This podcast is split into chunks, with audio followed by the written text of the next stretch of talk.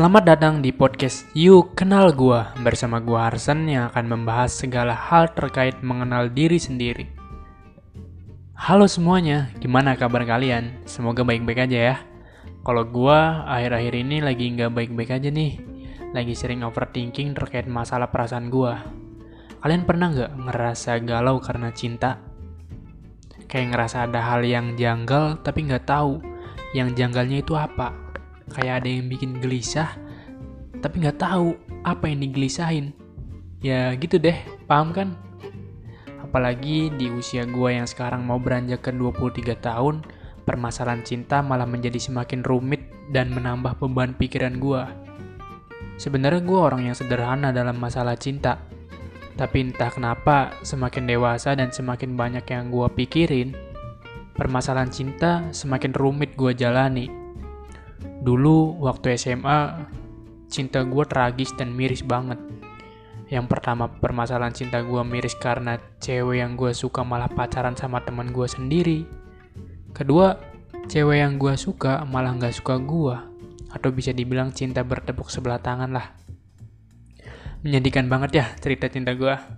Iyalah, semua itu karena guanya juga sih yang binderan dan pemalu. Ya akhirnya kisah gue yang mengenal cinta malah gagal semua. Nggak berhenti sampai situ, gue salah satu tipe orang yang penasaran.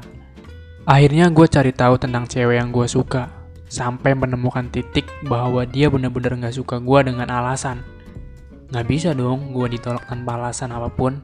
Gue juga butuh tamparan untuk diri gue sendiri, supaya gue sadar bahwa gue gak cocok untuk memiliki dia. Sampai satu waktu, gue mengetahui bahwa dia juga sudah menyukai cowok secara diam-diam. Dan gue tahu orangnya. Akhirnya dari situ gue ngebandingin diri gue sendiri dengan cowok yang dia suka. Alhasil, gue sadar bahwa iya, memang gue jauh dari cowok yang dia suka. dari hal tersebut, gue berusaha introspeksi diri dong, sambil merasa galau akibat perasaan cinta yang menyedihkan yang gue alami. Oh ya, kalau lo belum tahu, bisa dikatakan gue itu memiliki kepribadian introvert. Jadi you know lah kenapa gue gagal dalam hal percintaan. Tapi gue nggak mendiskreditkan semua yang introvert gagal dalam hal cinta ya. Ini ini mah masalah atau permasalahan gue aja yang kebetulan gue introvert. Oke sampai sini clear ya.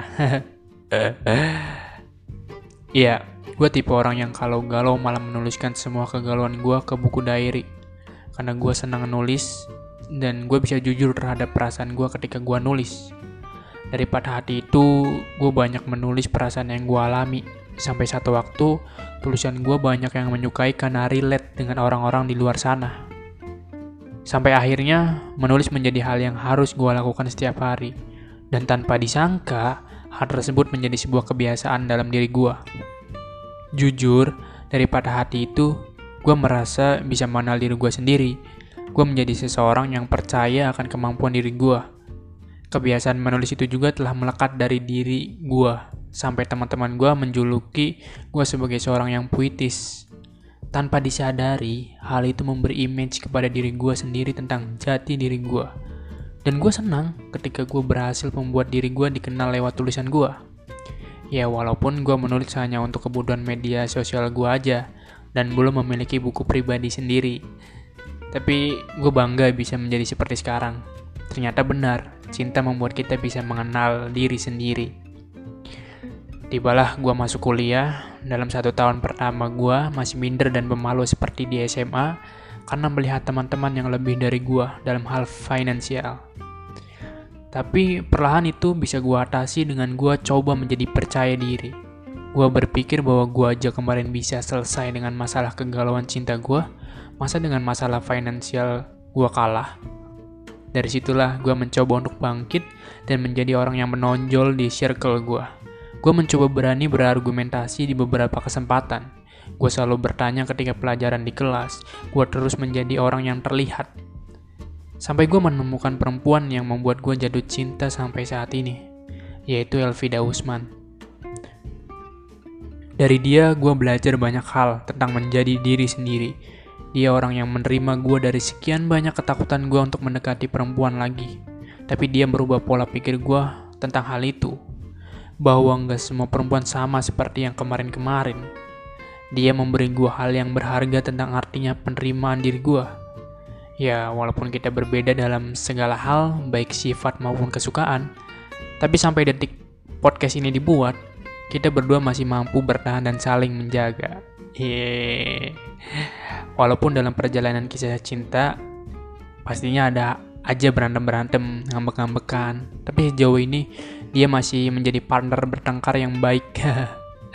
dia yang mau diajak ngobrol ketika ada masalah besar, dia yang mau bertemu ketika gue membutuhkan, dan dia yang selalu ada di saat gue ingin bercerita. Gue seakan-akan menemukan rumah setelah perjalanan menyakitkan yang gue alami kemarin. Gue menemukan seseorang yang berhasil membuat gue berharga dengan cara dia memperlakukan gue. Hingga sampai saat ini, gue berhasil berdamai dengan masa lalu gue dan fokus untuk membangun masa depan dengan dia. Intinya, setiap penemuan jati diri bisa lu dapat dari mana aja, dari pengalaman yang menyakitkan pun bisa lu dapatkan. Tinggal bagaimana lu mengambil sebuah makna dari apa yang lu alami.